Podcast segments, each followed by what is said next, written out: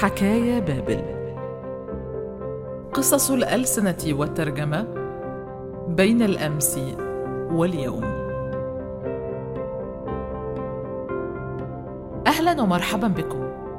أنا مها الجمل وهذه متوالية حكايا بابل. رئيس التحرير عائشة المراغي. الهندسة الصوتية أحمد حسين. المنتج الفني شهرزاد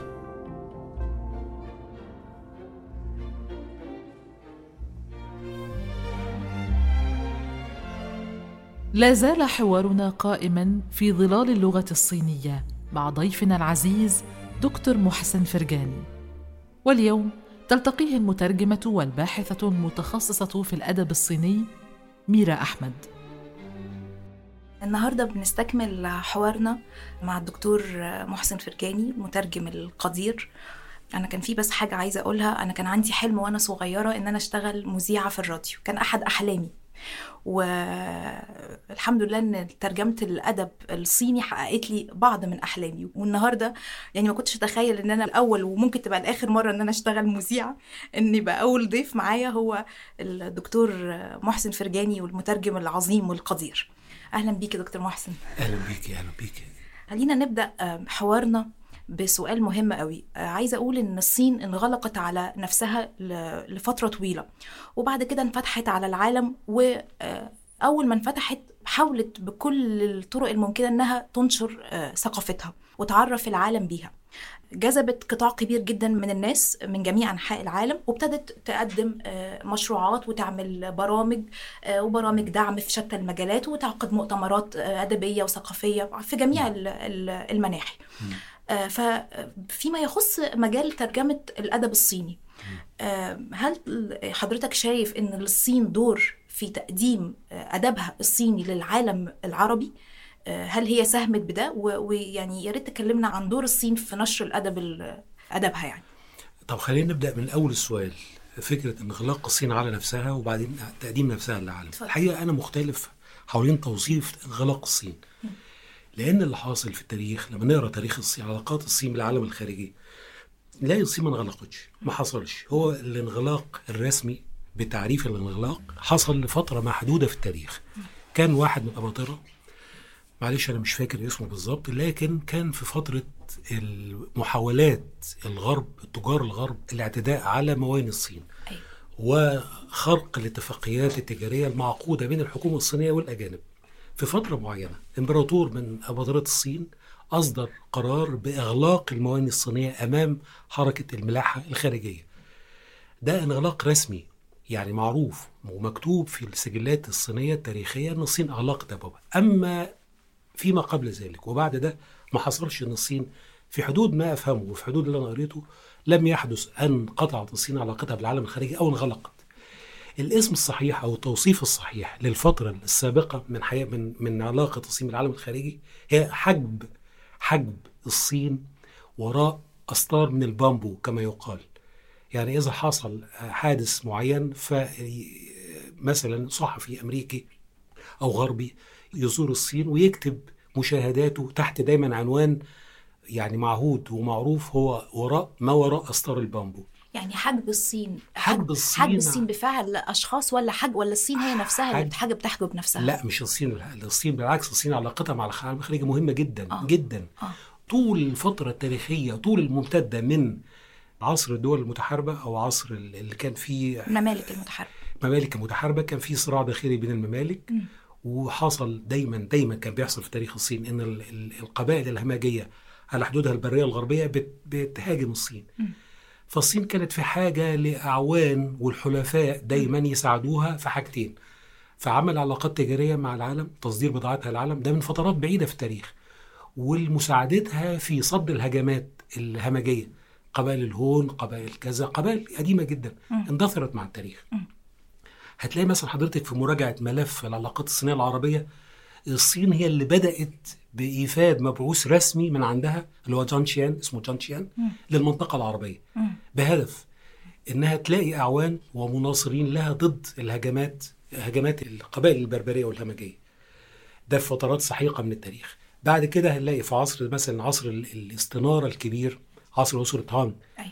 من القرن الثامن لحد العاشر الميلادي تقريبا مش متذكر التاريخ بدقة لكن في الفترة التاريخية دي الصين كانت تقريبا انفتاحها على العالم وظهورها كقوة كبيرة أكبر من الحالي. يمكن دلوقتي في ناس كتير بيقروا وبيشوفوا من خلال الميديا كلام على إن الصين تقدم نفسها للعالم كإمبراطورية. ده صحيح طبعا بتعريف العصر الحديث لكن في عصور سابقة الصين كانت ليها مكانة يمكن أشد من دلوقتي. عشان كده المدقق أو القارئ في أحوال الصين هيلاقي إن الصعود الص- الحالي للصين هو الصعود الثالث.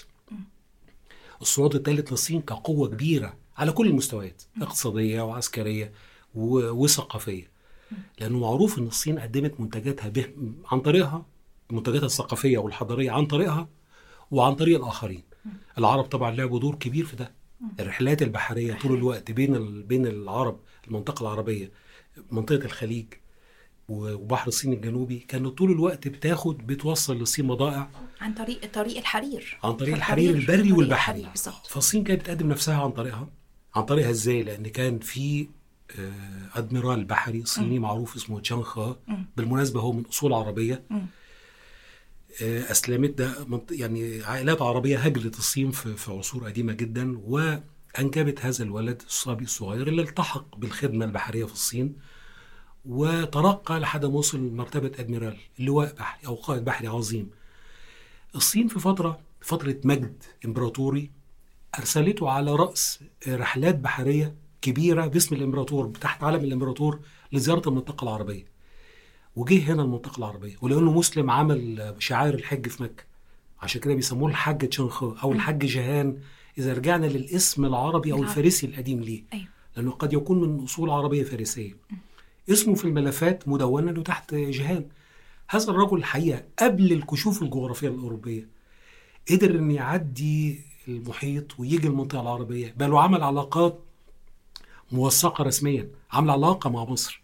في عهد الأشرف بيرسباي السلطان المملوكي على إن الصين من خلال الوثيقة اللي أنا قريتها في التاريخ إن الصين تقف مصر تقف مع الصين في تدبير نقل البضائع الصينية لل- لجنوب أوروبا. أوروبا في هذا الوقت كان لسه في العصور ال- ال- الوسطى ما عرفتش العالم ما قدمتش نفسها للعالم كقوة زي ما إحنا شايفينها دلوقتي. فبيجي البحارة ال- الأدميرال البحري ومعاه طاقم من البحارة.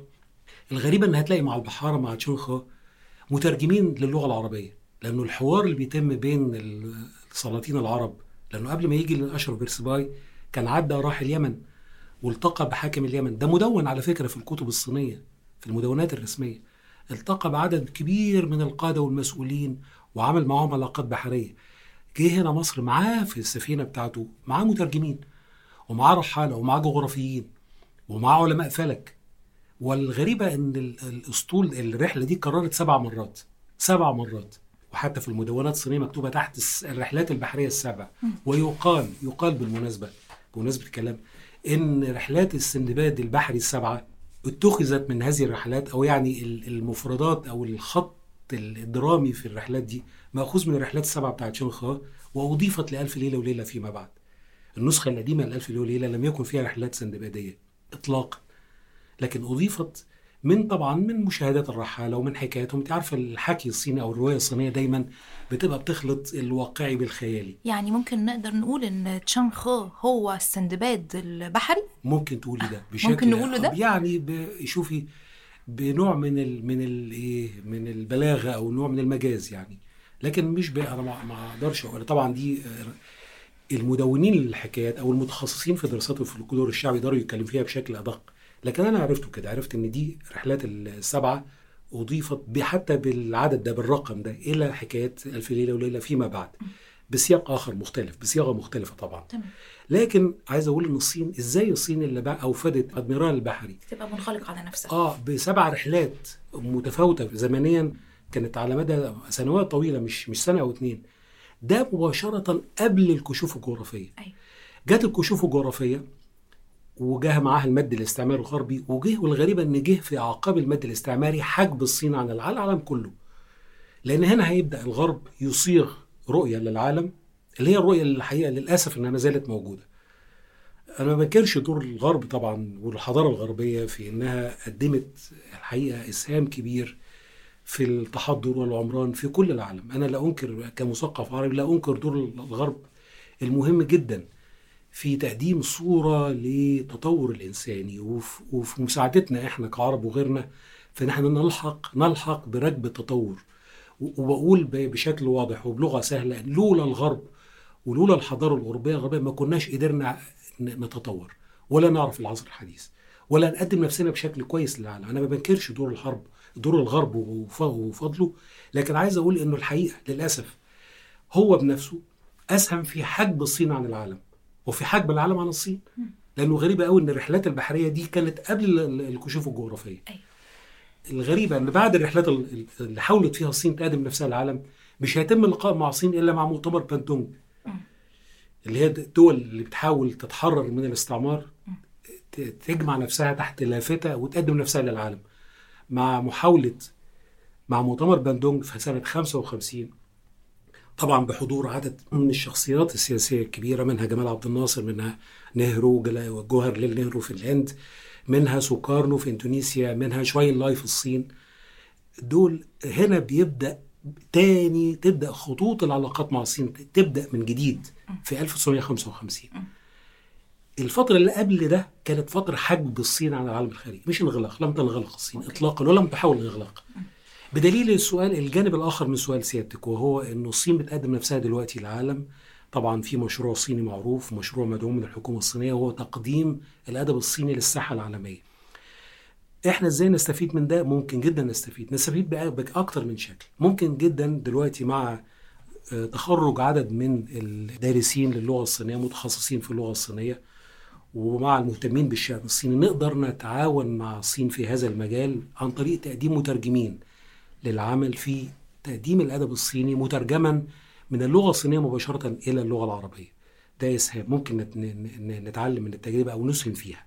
نتعلم منها إن إحنا نقدم أدبنا للعالم. الحقيقة أنا وبقول بصراحة أنا شايف إن ده مش وجه من أوجه الاستفادة. ليه؟ اللي هو إيه يا دكتور إحنا اللي هو إن إحنا نقدم ادبنا زي ما هو يقال حاليا وزي ما هو دلوقتي موجود في الساحة العربية تقديم الأدب المصري خاصة العربي المصري، آه. بصفة عامة يعني لل لا الحقيقة أنا مش مع ده لأنه الأدب العربي بيقدم نفسه كويس للعالم الخارجي العالم مطلع على أدبنا كويس جدا سواء كنا بالشكل الاقليمي مصريين أو عرب. مطلع إزاي يا دكتور؟ من غير ما يبقى فيه جهود آه، لا، جهود وراه لما- إن هي إن هو تخ- تخرج بيه من نطاق ال ال إحنا مش في عزلة إحنا في قلب العالم والعالم يعرفنا كويس جدا. من النطاق المحلي للعالميه العالمية. إزاي؟ أي طالب في التاريخ دور. أي طالب في التاريخ بيبدأ دراسة التاريخ من العهد المصري. مصر أم الدنيا. وفي كل كتب التاريخ. أنا مرة بتكلم عايز أقول لك معلش أنا هحكي حكاية. اتفضل. مرة في أول مرة رحت فيها الصين في 78 87 الممر اللي أنا ساكن فيه يابانيين كلهم. فأنا بقول لهم بقول لهم يعني إحنا إحنا مصر وبتكلم عن مصر يعني في امسيه قاعدين كطلبة أجانب بنحكي.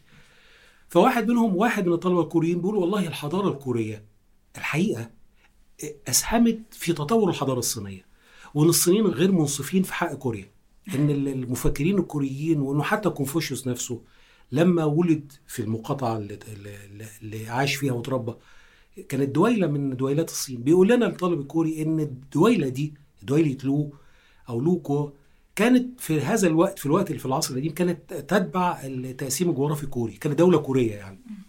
فأعظم مفكري وأعظم أعظم فلاسفة الصين ده الحقيقة بالمنشأ كوري مش صيني. بنتكلم فأنا بقول لهم والله مصر أم الدنيا. فواحد ياباني قطع عليا الكلام قال لي طبعا مفيش جدال.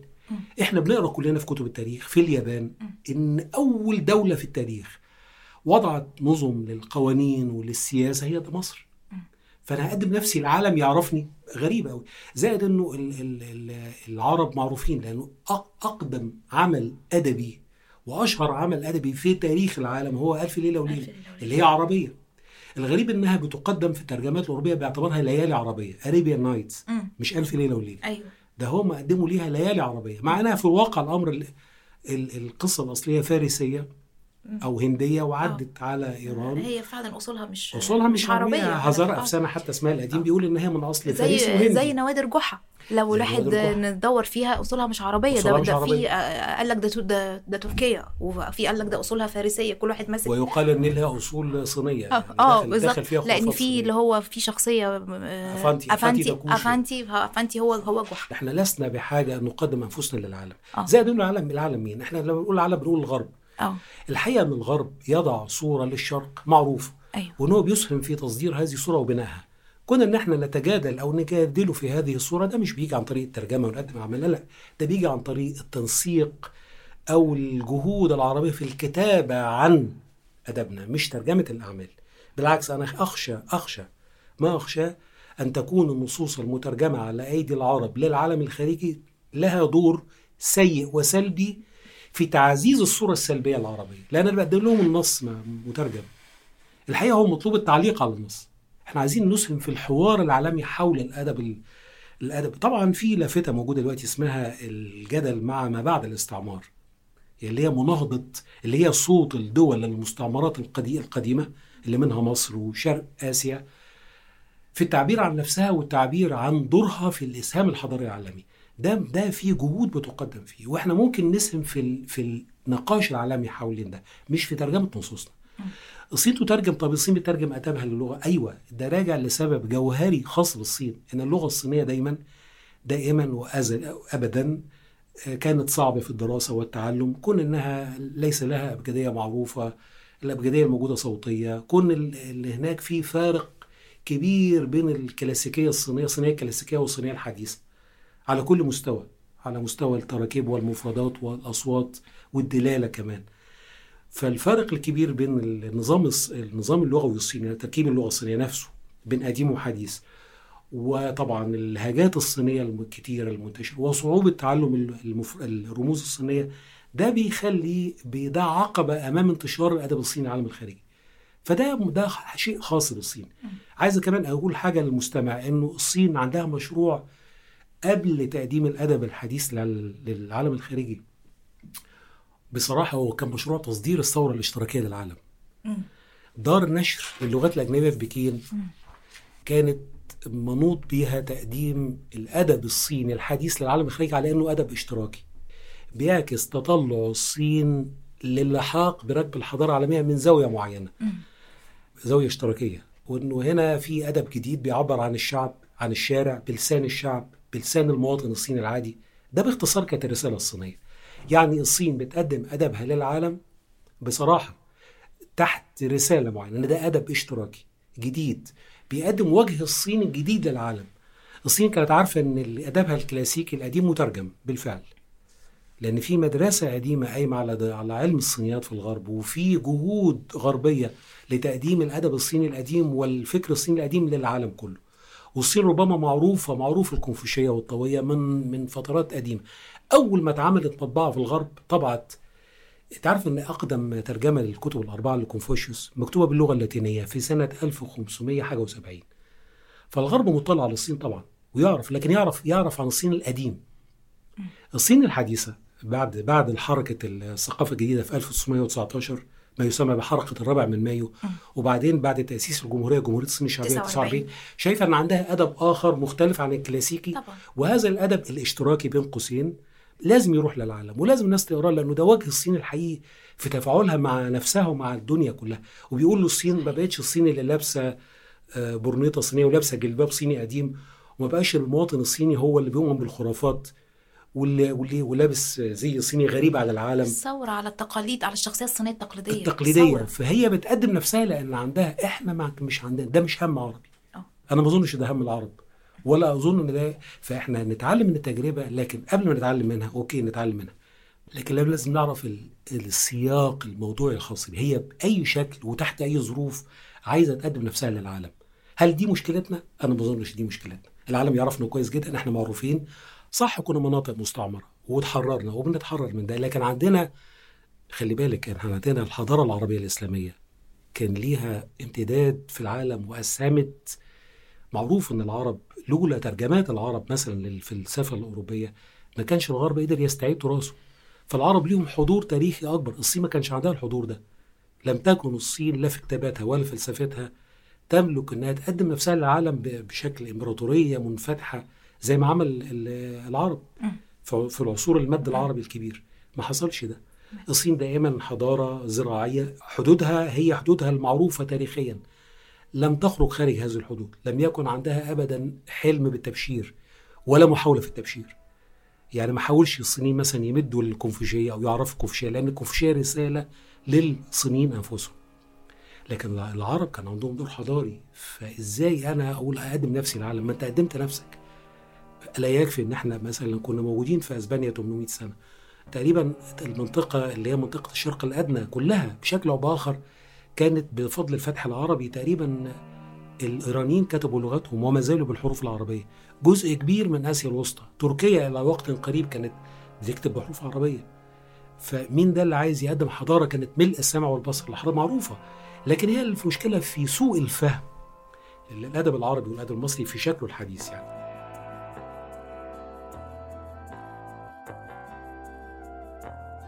ينقضي الحلم في غمضة عين فلا يبقى منه في الذاكرة إلا نثار صور تحتفظ برونقها. أرى في النوم أحلاما زاخرة بالألوان أحيانا تتبدى لي أبهى من الواقع أزهى كثيرا من المشهد الحي بعين الأيام. بعض المنامات تختزل ألوانها في الأبيض والأسود ليس غير كأنها بعض صور متهالكة من تراث شاشات العرض القديمة. في الأحلام الزاهية الألوان أتجول أسافر أرقص أطير. يصحبني في الترحال جناحان وسحابات وردية وباقات أزهار. يهب من كل الجهات إعصار يشملني بأعطافه ذات الألوان. يأتي بجوقة ألحان يفعمني بشذا عطور يسقيني بالرغم مني كؤوس حلم. خضر النشوة يملك علي مكامن الحس. أتطلع في المدى الضبابي تطل علي آلاف الكوى والمزاغل تفيض كل قوة ملء البصر ألوانا تبهر العين. يتبدى لي في الأحلام أخدود وهاوية وجرف صخري. دوامات وسيول جارفة. وموتى يزورونني بعد غيبة. نلتقي دون أن نتبادر الكلمات.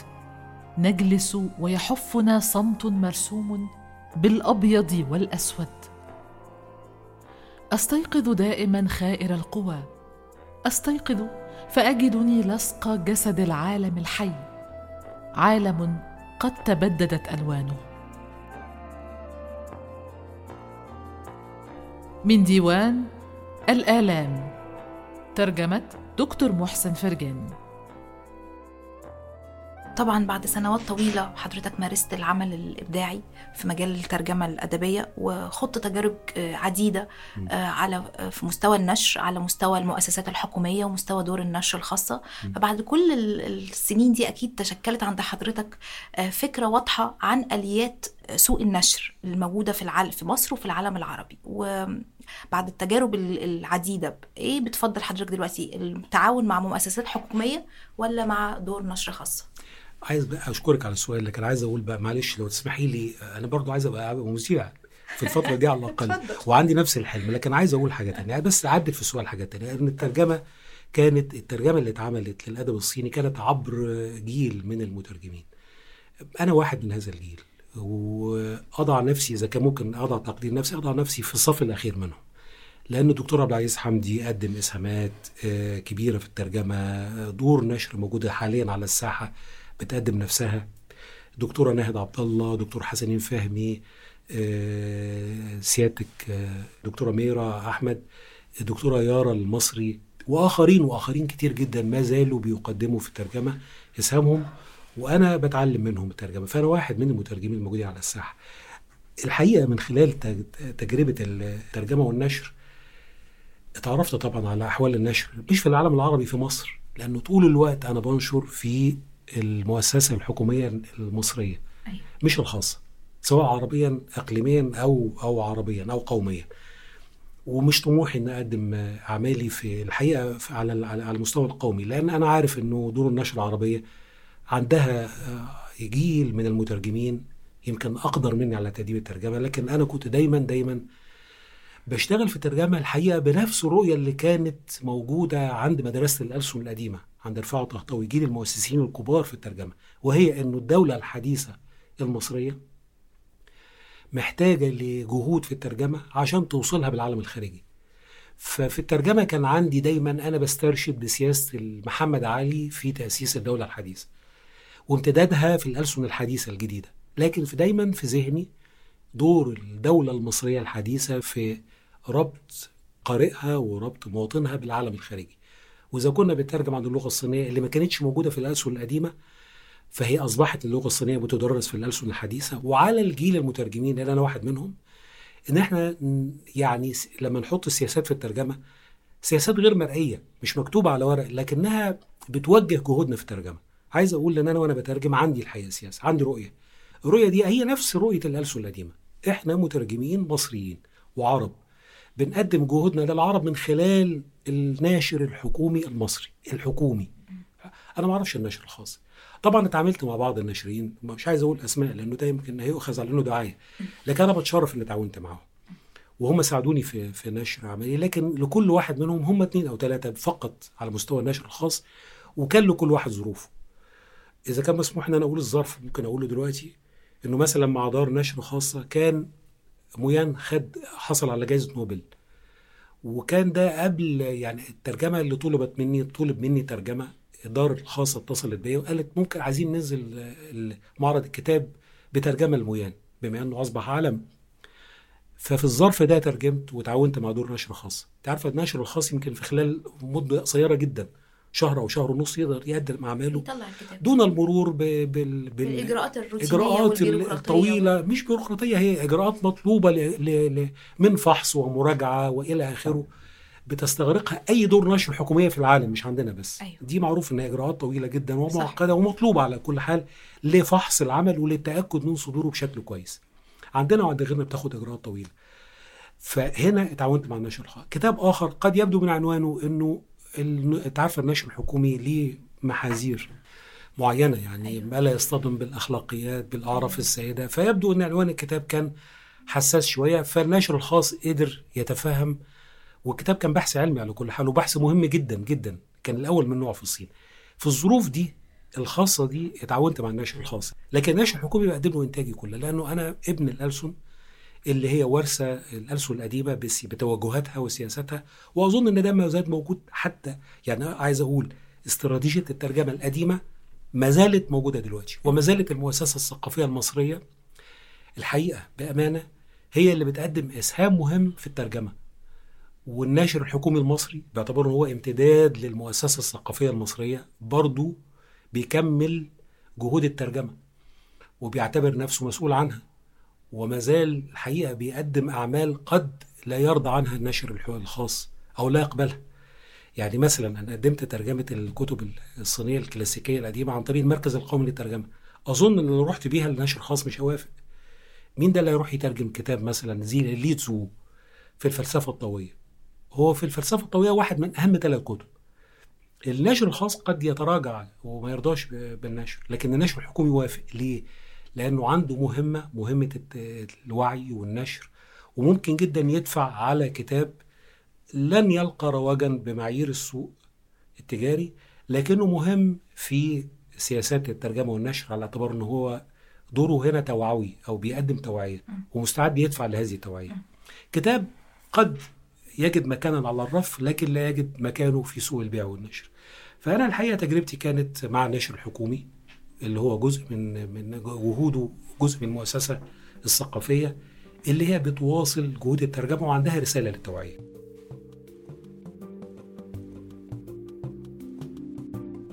من التضاريس الأرضية خمسة أنواع كفيلة بأن تهلك جيشا بأسره وهي منخفض أرضي ينضح قاعه بالماء محوطا من الجوانب كلها بحواف جبلية عالية شديدة الانحدار وسلاسل تلال متعرجة تكتنفها الهضاب العالية من جهاتها الأربع وهي تبدو سهلة الاقتحام وتغري القوات بالدخول. لكن الداخل إليها لا يخرج بالسهولة نفسها. وثالثا فهناك الأرض ذات الأكمات والأدغال غزيرة الشجر كثيفة الأغصان. غير أنها بهذا الشكل تبدو كمصيدة للقوات أكثر منها موقعا حصينا. وهناك الأخاديد والمصارف المتداخلة التي تمثل عائقا أو انقطاعا ارضيا يستحيل عبوره. وأخيرا فهناك المنخفضات ذات الطرق الموحلة والبرك الآسنة. فهذه الأنواع الخمسة من التضاريس الأرضية تسمى المقابر الخمس. نظرا لما تمثله من خصائص جغرافية غير ذات نفع لقوات تسعى للمرابطه ونشر التشكيلات. ولا ينبغي للجيش في مواسم الصيف والربيع أن يرابط في غور الأرض وما انخفض من منسوبها. نظرا لما تمتلئ به الأغوار حينئذ من الأمطار الموسمية. كما لا يجب للقوات أن تتخذ مواقعها إبان الشتاء والخريف فوق رؤوس الهضاب لما قد تعانيه من نقص المياه واشتداد الجفاف. وعند نشر القوات وإقامة المواقع فمن الواجب ألا تتخذ من الجبال والمرتفعات ساترا جهتي اليمين والأمام مثل ما يستحسن أيضا ألا تكون المرتفعات والتلال بمحاذاة أجنابها اليسرى والأمامية بل يجب أن تقع جهة الخلف واليمين. من كتاب فن الحرب عند سامبين ترجمة دكتور محسن فرجاني.